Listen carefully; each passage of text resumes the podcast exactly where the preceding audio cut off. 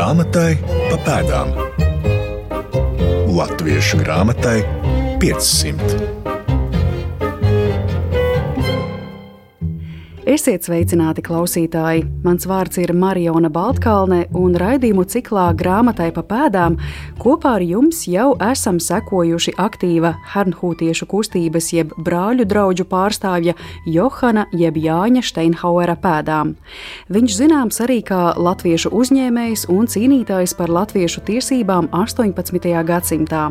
Aprīlī, kad stāstot par Steinhaueru, mazliet ielūkojāmies arī viņam veltītajā pasākumā Latvijas Latvijas Nacionālajā bibliotēkā, raidījumu noslēdzu sakot, ka mums ir svarīgi neaizmirst savus varoņus, un atsaucoties arhitekta Pētera Blūma teiktajam, minēju, ka mums būs nepieciešams liels gribas spēks, lai pārvarētu aizmirstības inerci bet izskatās, ka vismaz pagaidām laimīgā kārtā šī aizmirstība vēl nav ņēmusi virsroku, un pateicoties entuziastu centieniem, jūlijā noticis jau otrais Johanam Steinhaueram veltītais pasākums ar nosaukumu Izrakt Steinhaueru no Pārdaugavas līdz Pensilvānijai.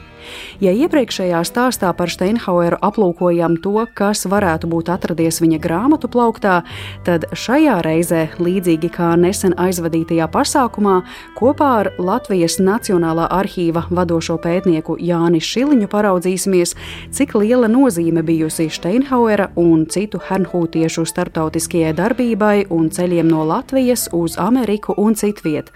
Tieši tāpat ar Latvijas Nacionālās bibliotēkas vadošo pētnieci Beātu Paškēvicu pavērsim skatu uz jauniem un interesantiem faktiem Steinhauera biogrāfijā. Visbeidzot, satiksimies ar Steinhaueru dzimtas pēcteci Joachimu Šūbertu no Venecuēlas. Grāmatai pa pēdām.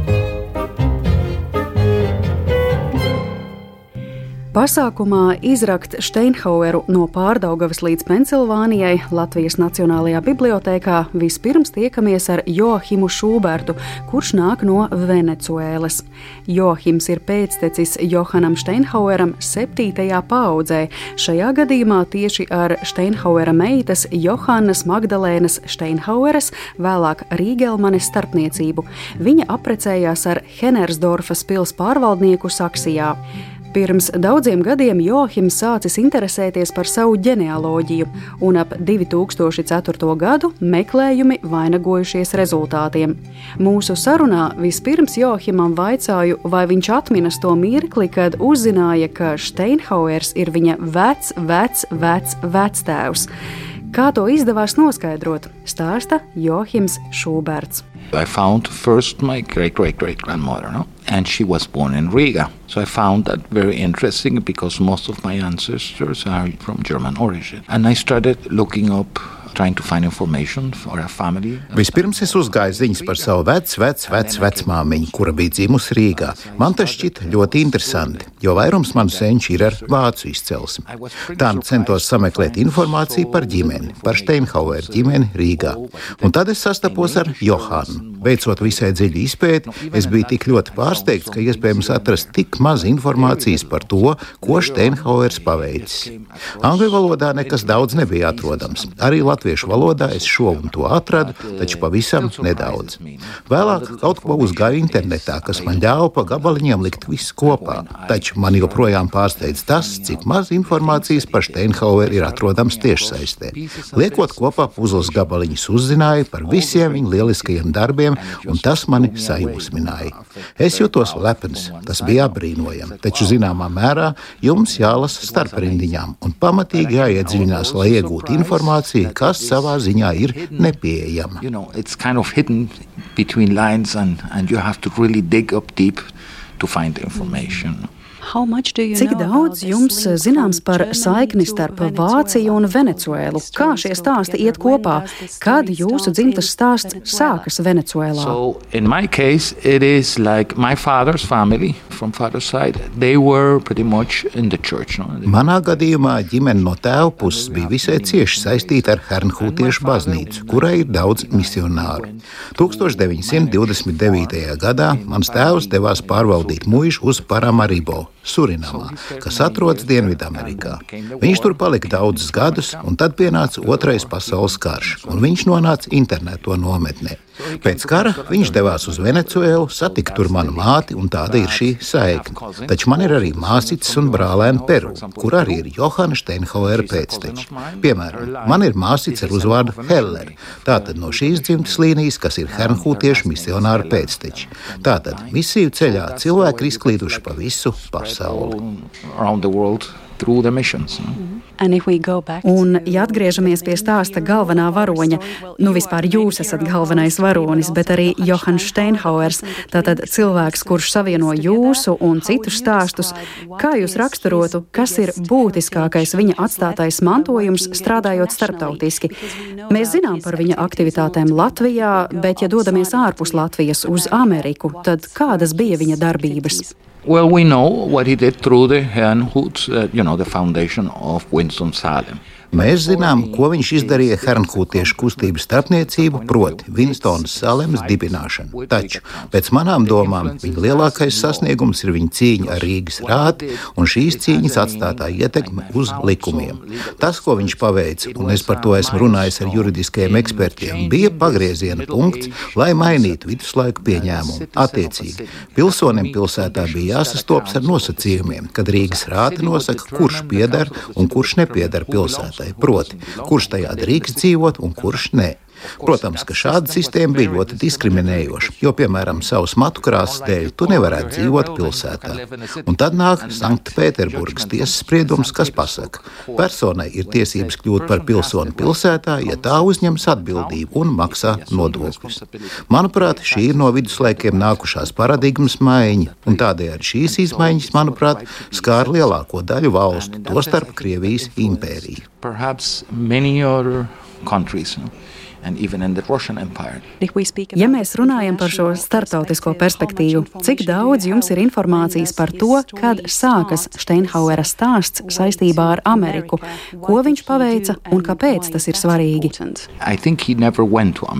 Such, no? as as Cik man zināms, uz pašu Ameriku Steinhauers nedavās. Tas, ko viņš darīja, daudz atbalstīja Morāvijas baznīcu. Un Morāvijas baznīcas viens no mērķiem bija izveidot pilsoņu pilsētas, vadot rīkoties pēc kristiešu brālības modeļa. Tās būtu brālības pilsētas, kurās dominētu Morāvijas baznīcas vērtības.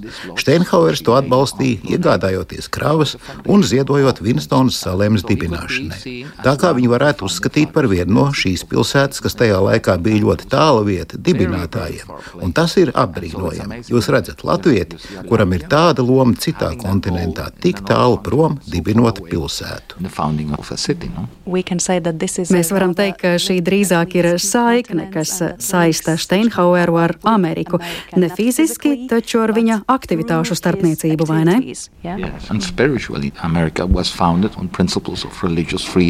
Jā, un garīgā ceļā. Amerika tika dibināta balstoties reliģiskajā brīvībā, kas kļūst par daļu no ASV. Manuprāt, no evolūcijas viedokļa tas ir universāls princips, ka mēs cits citu vispirms redzam kā cilvēkus. Un tikai tad nāk atšķirības, uzskati, ideoloģija ideoloģijas un jebkas cits. Tas viss ir otršķirīgs. Ir daudz cilvēku, kur raksta un saka skaistas lietas, bet viņu darbības ir pretējas. Steinhauers bija citāds. Viņš daudz nerakstīja, viņam nebija spēcīgs sabiedriskais tēls, daudz gleznu un tam līdzīgi. Taču viņš dzīvoja savos darbos. Ar tiem viņš parādīja, kas viņš ir un par ko viņš iestājas. Un tas, manuprāt, ir daudz svarīgāk. Un cik gudras izvēles viņš izdarīja, jo šī hernhūtiešu kustība Amerikā bija populāra. Zinu, ka Pensilvānija bieži tiek minēta kā viens no hernhūtiešu kustības centriem. Pareizi?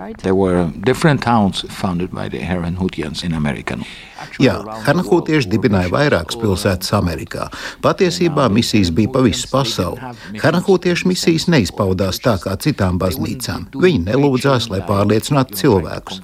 Tas, ko viņi darīja, radīja pilsētas un mācīja cilvēkus, nodrošināja izglītību, tādā veidā darot labu cilvēkiem. Un Hanahūtiešiem ļoti rūpēja tas, kā vienkāršie cilvēki spētu izdzīvot pasaulē, kas tik ļoti mainās. To var izlasīt Hanahūtiešu vēstulēs, piemēram, Austrālijā.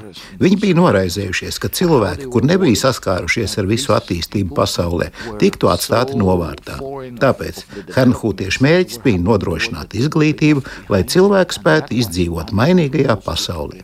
Tas ir skaisti, un tas nebija stāsts par kultūras iznīcināšanu, bet par instrumentu došanu cilvēkiem, lai viņi izdzīvotu jaunā vidē un jaunās situācijās, kas aizvien parādījās.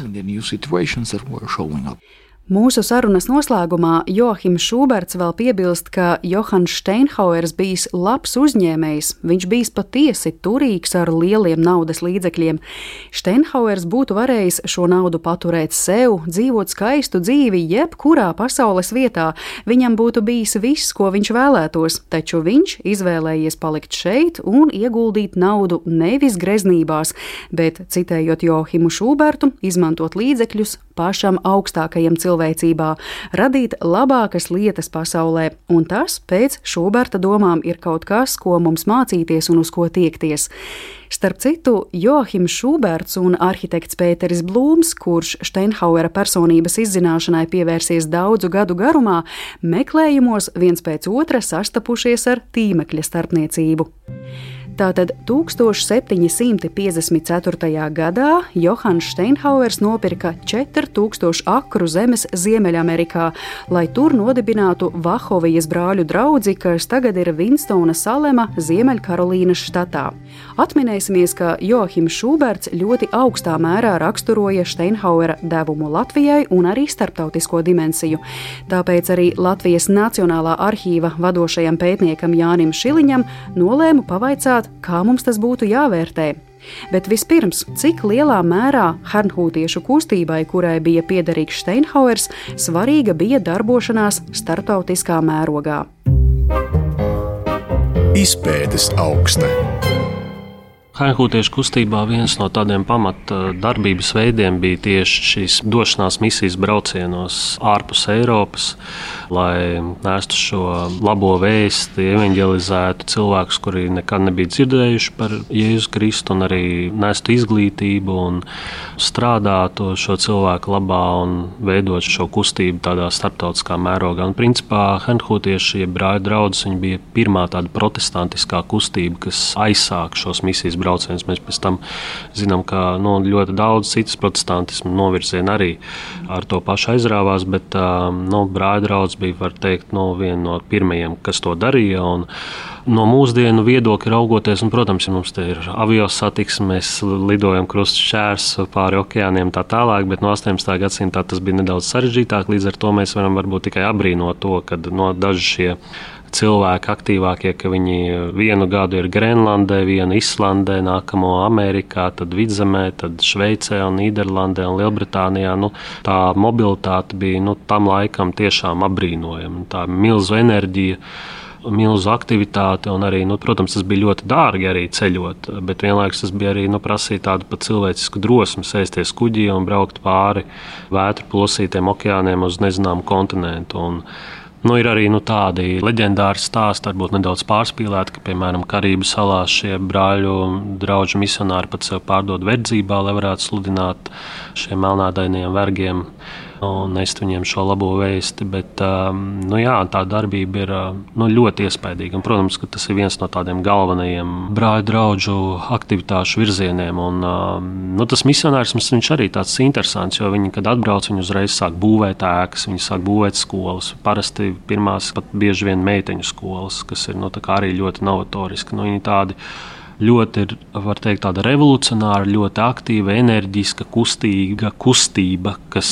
varbūt vecajai Eiropai liekas nedaudz par traku. Nu, pret viņiem arī ļoti daudz dažādu apsūdzību, apvainojumu tā tālāk, jo viņi pilnīgi neiedaras tajā vecajā Eiropā, kur starp citu mēģina no otras puses mainīt arī, no, kā mēs zinām, šie racionālie filozofi 18. gadsimtā. Nevelti mēdz 18. gadsimtu arī saukt par filozofijas gadsimtu, kad apgaismības laikmets un kad no otras puses arī caur galmu šīm reformām, apcerot uz absolūto monarhu nestajām reformām, arī mēģina mainīt pasauli šī rietuma intelektuālā doma. Un šeit savukārt ir cita kustība, kur arī grib radikāli mainīt šo pasauli, tobrīd pastāvošo, bet ar pilnīgi citām metodēm. Un, varētu pat pastrīdēties, kuriem pat varbūt bija lielāka tā ietekme. Piemēram, Latvijas gadījumā, vai ne? Nu, jūs jau runājāt par tām daudzajām noteikti izmaiņām, ko Hankūtieši šeit nes un kādas tam bijušas sekas, bet, protams, arī pasaulē tam ir bijušas sekas tajā pašā ASV un Āfrikā un Dienvidamerikā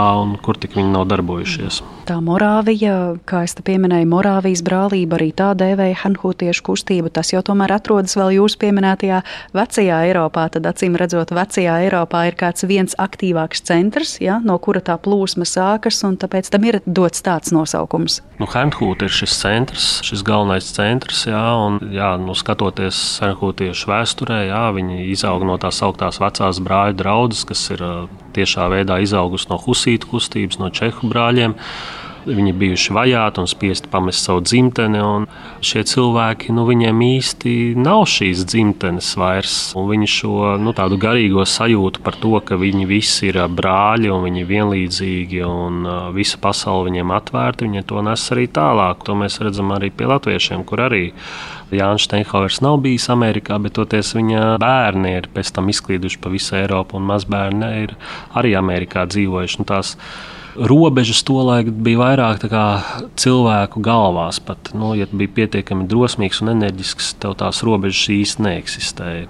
Līdz ar to tā mobilitāte bija, protams, iespējama. Tad, eh, ja mēs raugāmies uz šo hernhūtiešu kustību, tad sanāk tā, tas vilnis no vecās Eiropas ienāk mūsdienu Latvijas teritorijā, un pēc tam atpakaļ no Latvijas tas plūst eh, tajā pašā virzienā Eiropas un arī pāri robežām, pāri okeānam uz Ameriku vai līdzās Johanam Steinhaueram mums ir zināmi vēl kādi vārdi un vēl kādas valstis, konkrēti maršruti, uz kurieni devās hernhūtiešu pārstāvji no Latvijas. Vidzemes epizode bija tikai viena šajā misijas brauciena sākuma posmā, kas izvērsās no šī Henhūtas centra, kas aptver visu Eiropu un pēc tam Ameriku un tā tālāk. Tā bija faktiski tas, bija tas viens no pirmajiem braucieniem, kur Henhūtieši devās, bet nu, tā bija tikai viena no epizodēm.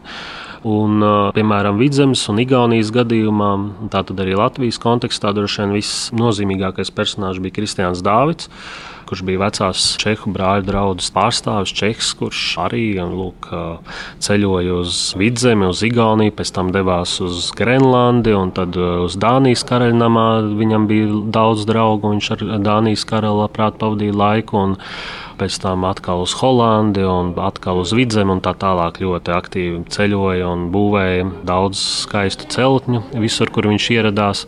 Un, nu, otrs, protams, būtu jāmin noteikti arī pats Hanhūtiešu kustības līderis Grāfs Nikolais Fons Incendors, kurš arī ļoti daudz ceļoja un gan pabija Pēterburgā pie Carienes, caurbraucot šeit viesojās arī Vidzemē un apbraukāja, protams, visu Eiropu. Un, nu, viņš arī bija ļoti aktīvs un lielā mērā viņa šī enerģija un arī, protams, arī materiālie līdzekļi, jo viņš bija viens no bagātākajiem cilvēkiem Vācijā arī nu, šo kustībai sākotnējā posmā arī deva šīs iespējas aptvert tik plašas teritorijas un darboties ar tādu vērienu. Kā mums no mūsdienu skatu punkta raugoties, būtu jāvērtē Johana Steinhauera šī saikne ar uh, Ameriku, viņa devums Amerikai un šai baznīcu kustībai pāri okeānam? Vai tas ir tāds mūsdienu valodā runājot, nu, neliels darbiņš, ko viņš arī paveica, vai tas tomēr ir kaut kas nozīmīgs, lai tā baznīca stiprinātos pāri okeānam?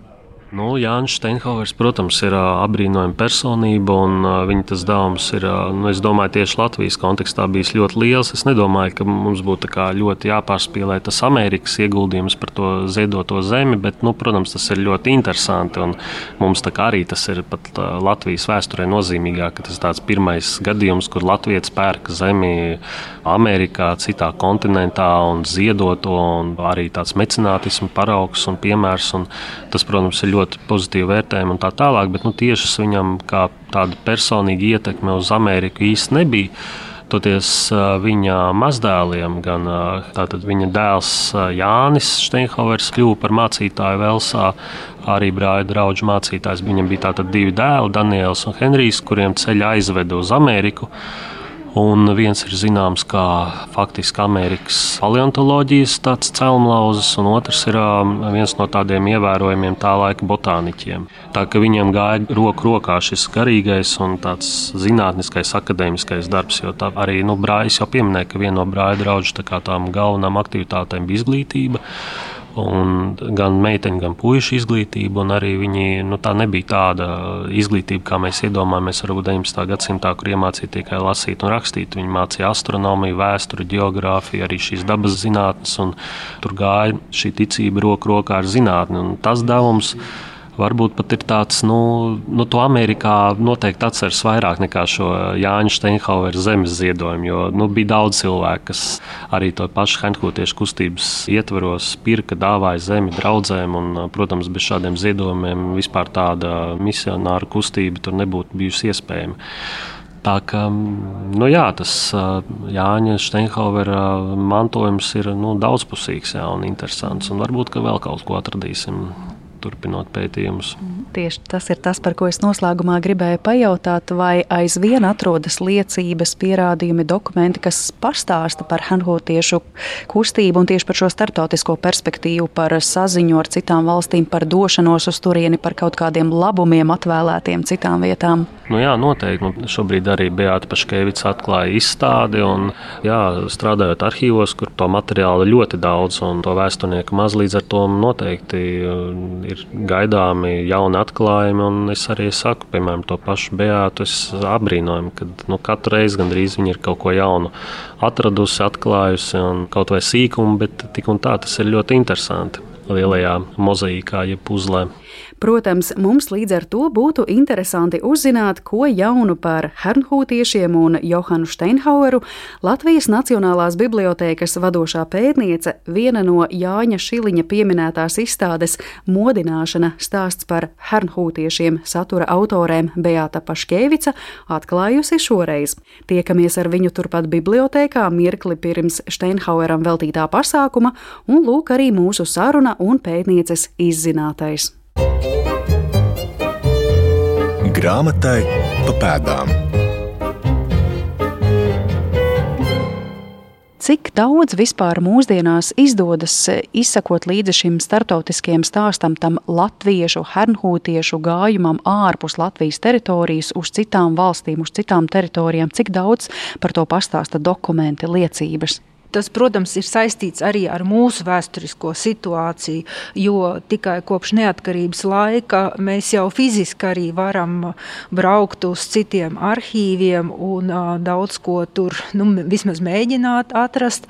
Un tas pats ir arī ar Hanhūtiešu rokrakstiem, jo jāsaka, jā, ka aizvien tomēr mēs varam atrast aizvien jaunus rokrakstus, gan arī jāsaka, ka Aleksējs Apīns Latvijas Nacionālās bibliotekas ilgadējs retumu nodaļas vadītājs vienmēr ir turējis roku uz pulsa, un būtībā mums ir jābrīnās par to, ko viņš jau šajos padomju gados, 80.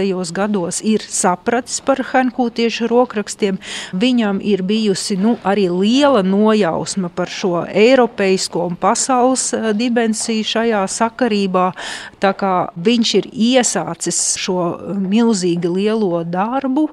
Un tagad nu, mēs arī Nacionālajā bibliotekā to kaut kādā veidā, pēc saviem spēkiem un iespējām, cenšamies turpināt. Un, jā, patiešām ir arī tādi, nu, tomēr jāsaka, arī veiksmes stāsti, jo, piemēram, braucot uz unitātes arhīvu Henhūtē, aizvien atrodas gan teksti latviešu valodā, kur paši latvieši ir rakstījuši vēstules uz brāļu draugu draudzes centru uz Henhūti ar saviem daudzajiem parakstiem. Teiksim, katrai personai ir kāds viņam tikai raksturīgais paraksts, un tur šos uh, visus rokrakstus arī ļoti interesanti ir salīdzināt un paskatīties, kā uz vienas vēstules tie visi ir apvienojušies tādam kopīgam darbam un šo vēstuli ir uzrakstījuši. Un, protams, tie ir arī paslēpti nu, starp daudziem citiem rokrakstiem aprakstiem daudzi arī ar Latviju un tieši arī latviešu cilvēku dzīves stāsti, kuri gan pārsvarā ir vācu valodā. Tomēr tie arī sniedz mums ieskatu gan šīs personas dzīvē, gan arī tajos notikumos, kopsakarībās, kas ir bijuši aktuāli tajā laikā brāļu draudzē. Un tā skaitā, protams, arī Jāņa Steinhauer dzīves stāsts, ne, kur es biju ļoti priecīga, kad es viņu ieraudzīju ieraudzīju unitātes arhīvā Hernhūtē. Nu, tas ir atvests uz Latviju, un, diemžēl, nu, viņš ir tikai vācu valodā, bet man šķiet arī pat divos norakstos tas ir pieejams Hernhūtas arhīvā, un noteikti arī mēs Nacionālajā bibliotekā plānojam Hernhūtiešu dzīves stāstu izdevumu, jo tomēr tās ir ļoti svarīgas liecības, īpaši jo 18. gadsimta, jo 18. Gadsimtā mēs jau latviešus kā personības tomēr nu, mēs nespējam tos tādā veidā izzināt, jo mums ir ļoti maz šo dokumentāro liecību. Bet tieši Henhūtiešu dzīves stāstos mums tomēr parādās šis dzīves gājums, arī cilvēka pārliecības, dvēseles stāvokļi, arī kaut kas ļoti personisks, bet tomēr arī kopumā nu, kontekstualizējošs un liecinošs kaut ko par tām norisēm Latvijā, Latvijas vēsturē, Latvijas kultūra vēsturē, kurās šie cilvēki ir piedalījušies. Kaut vai arī skatoties par viņu mobilitāti, zūd diezgan daudz tādi, kas mums bija šie priekšstati, ka viņi nekur nepārvietojās, tikai dzīvoja tajā savā sētā. Tā mēs par hernhūtiešiem patiešām nevaram teikt. Sakiet, jūs apzināti speciāli devāties pati uz Hernhūti, lai kaut ko jaunu iespējams uzzinātu par viņu mobilitāti vai vispār atstāto mantojumu? Jā, nu visvairāk, tad pirms manis strādājis ir Ludvigs Adamovičs Hernhūtas arhīvā, bet tas bija pirms otrā pasaules kara, tad starpkaru periodā, un tomēr jāpieņem, ka arī ļoti daudz, kas varbūt viņš ir ko ir atvedis no Hernhūtas arhīva, tas tas ir gājis zudībā. Un tagad nu, jā, tas, šis ceļš uz Henhūtas arhīvu ir atjaunojies.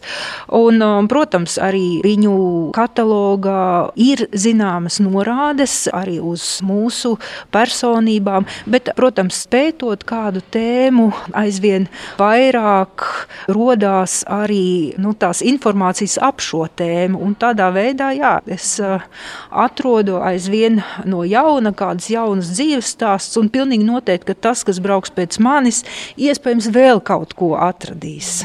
Mēs šajā raidījuma ciklā par Steinhauera dzīvi jau esam snieguši ieskatu, kas viņš bija, ko viņš Latvijas un Latvijas sabiedrības labā paveica. Bet tad, kad jūs atradāt šo dzīves stāstu Hanhūtē, pagaidām vācu valodā, vai jums bija arī vēl kādi jauni pārsteigumi par Steinhauera biogrāfiju, ko varbūt arī pat jūs līdz tam nezinājāt? Svarīgā grāmatzīme. Jā, es pilnīgi noteikti nezināju, jo es neesmu ne pētījuši Steinhaueru dziļāk, jo ir daudz vēsturnieku arī pirms manis, kā Svarānas kundze, piemēram, ir publicējusi arī rakstus par to, un, protams, Alvils Zauers, vai ne, kuram ir grāmatiņa iznākus, kurš gan balstās uz iepriekšējiem pētījumiem, bet man, jā, šis dzīves stāsts man bija absolūts pārsteigums, jo pirmkārt jau es sapratu, ka viņam mamma ir mirusi pavisam agri, ka viņš būtībā bija kā bāra bērns, līdz tēvs apprecēja pamāti, kur viņam nu, nebūt nebija ļoti pie sirds, un arī ļoti tas atklātais tonis, kādā veidā viņš vēsta par savu bērnību, ir ļoti interesanti, jo viņš arī atzīst, ka viņu uzskatīja par tādu, nu, kurš nav spējīgs mācīties. Viņš bija slikts skolnieks, viņu visur rāja, un kā viņš viņš eh, arī emocionāli, kā patsmitnieks, pieauga, kad viņš ar tēvu dodas kaut kur uz poļu pusi. Mēs īsti nezinām, kur tas bija. Varbūt tas tepat Lietuvā vai ne. Un kur viņš eh, saprot, ka arī viņš uz kaut ko ir spējīgs, un šis amats jau viņš tiek nu, iesvaidīts tajā amatā, un tas tiek ļoti atklāti stāstīts. Un, protams, arī tas hernhūtiskais elements, ka, piemēram, ir lieli plūdi Daugavā, bet viņš atrodas ar nu, saviem cilvēkiem laivā, un viņš spēlē uz mežraga, ka viņam nekas nenotiks. Nu, tas ir tik skaists tāds tēls. Jā. Un, sakiet, vai šie dokumenti, liecības, kas glabājas kādos arhīvos, vai tur vispār latviešu vārds daudz dominē? Mēs tātad zinām Steinhauera vārdu, bet vai citi latvieši arī parādās daudz? Jā, parādās, jo hanpūtieši ir no tām reliģiskajām kustībām, kas ļoti savu vēsturi cienīja un dokumentēja. Līdz ar to tur parādās gan mums pilnīgi līdz šim nezināmas sievietes, piemēram, arī no ruģēnu dzimtas, no pavisam nu, seniem laikiem, 18. gadsimta vidus, kā ruģēna kača. Mums ir dzīves tās, tās dažreiz ir arī tikai nu, kāda puslapusīte, bet vienalga tā ir liecība un kopā liekot šo mozaīku arī mums izveidojās tāda kopbilde arī par priekšstats par to, kādi bija šie modinātie zemnieki, kā viņi tiesasprāvas aktīs tiek saukti par, protams, viņi ir sliktajā kontekstā šajā tiesasprāvā, bet jā, viņus sauc par modinātajiem zemniekiem. Nu, tad es saprotu, šobrīd bibliotekā ir izstāde, joprojām darbojas par hernhūtiešu kustību, ja? un e, vēl varbūt taps kāds jauns stāsts par hernhūtiešu dzīves stāstiem, kas izzināti arhīvu materiālos. Jā, pilnīgi noteikti jau ir tapis un gaidījis publikāciju, bet tas ir gan vācu mācītājs, kurš ir darbojies Rīgā Jēkabu baznīcā, Friedrichs Bernhards Blaufūs. Top avotu publikācija Friedricha Bernharda Blaufūs autobiogrāfija, kura ir sarakstīta 1752. gadā, Arī viņš sniedz ieskatu šajā Rīgas latviešu brāļu draudzē, jo viņš ar tiem bija ciešā kontaktā. Jā, un arī, protams, pašu latviešu dzīves stāstu liekot punktu mūsu otrajam stāstam par Johanu Steinhaueru un vienlaikus stāstam, kurā vēl no citas perspektīvas esam palūkojušies uz hernhūtiešu kustību, es nojaušu, ka šis visticamāk nav trekns punkts, jo iespējams šie vārdi vēl kādā brīdī ienāks mūsu raidījumu ciklā. Līdz 30. septembrim vēl apskatāma izstāde Modināšana stāsts par hernhūtiešiem Latvijas Nacionālajā bibliotēkā, un pilnīgi droši ir zināms, ka otrais Steinhaueram veltītais pasākums nebija noslēdzošais, jo galu galā mums jāturpina pretoties aizmirstības inercei un Steinhauera vārds jāsaglabā savā vēsturē. Hernhūtiešu un Johana Steinhauera starptautiskās gaitas šoreiz izzināja Mariona Baltkalne, tiekoties ar Johimu Šūbertu, Jāni Šiliņu un Beatu Paškēvicu, kuriem saku lielu paldies. Šī raidījuma padomdevējs ir Latvijas Nacionālā bibliotēka un Latvijas Universitātes akadēmiskā bibliotēka. Par skanējumu rūpējās Valdis Raitums, producente Santa Lauga. Uz sadzirdēšanos atkal citu reizi. Grāmatai pa pēdām. Latviešu grāmatai 500.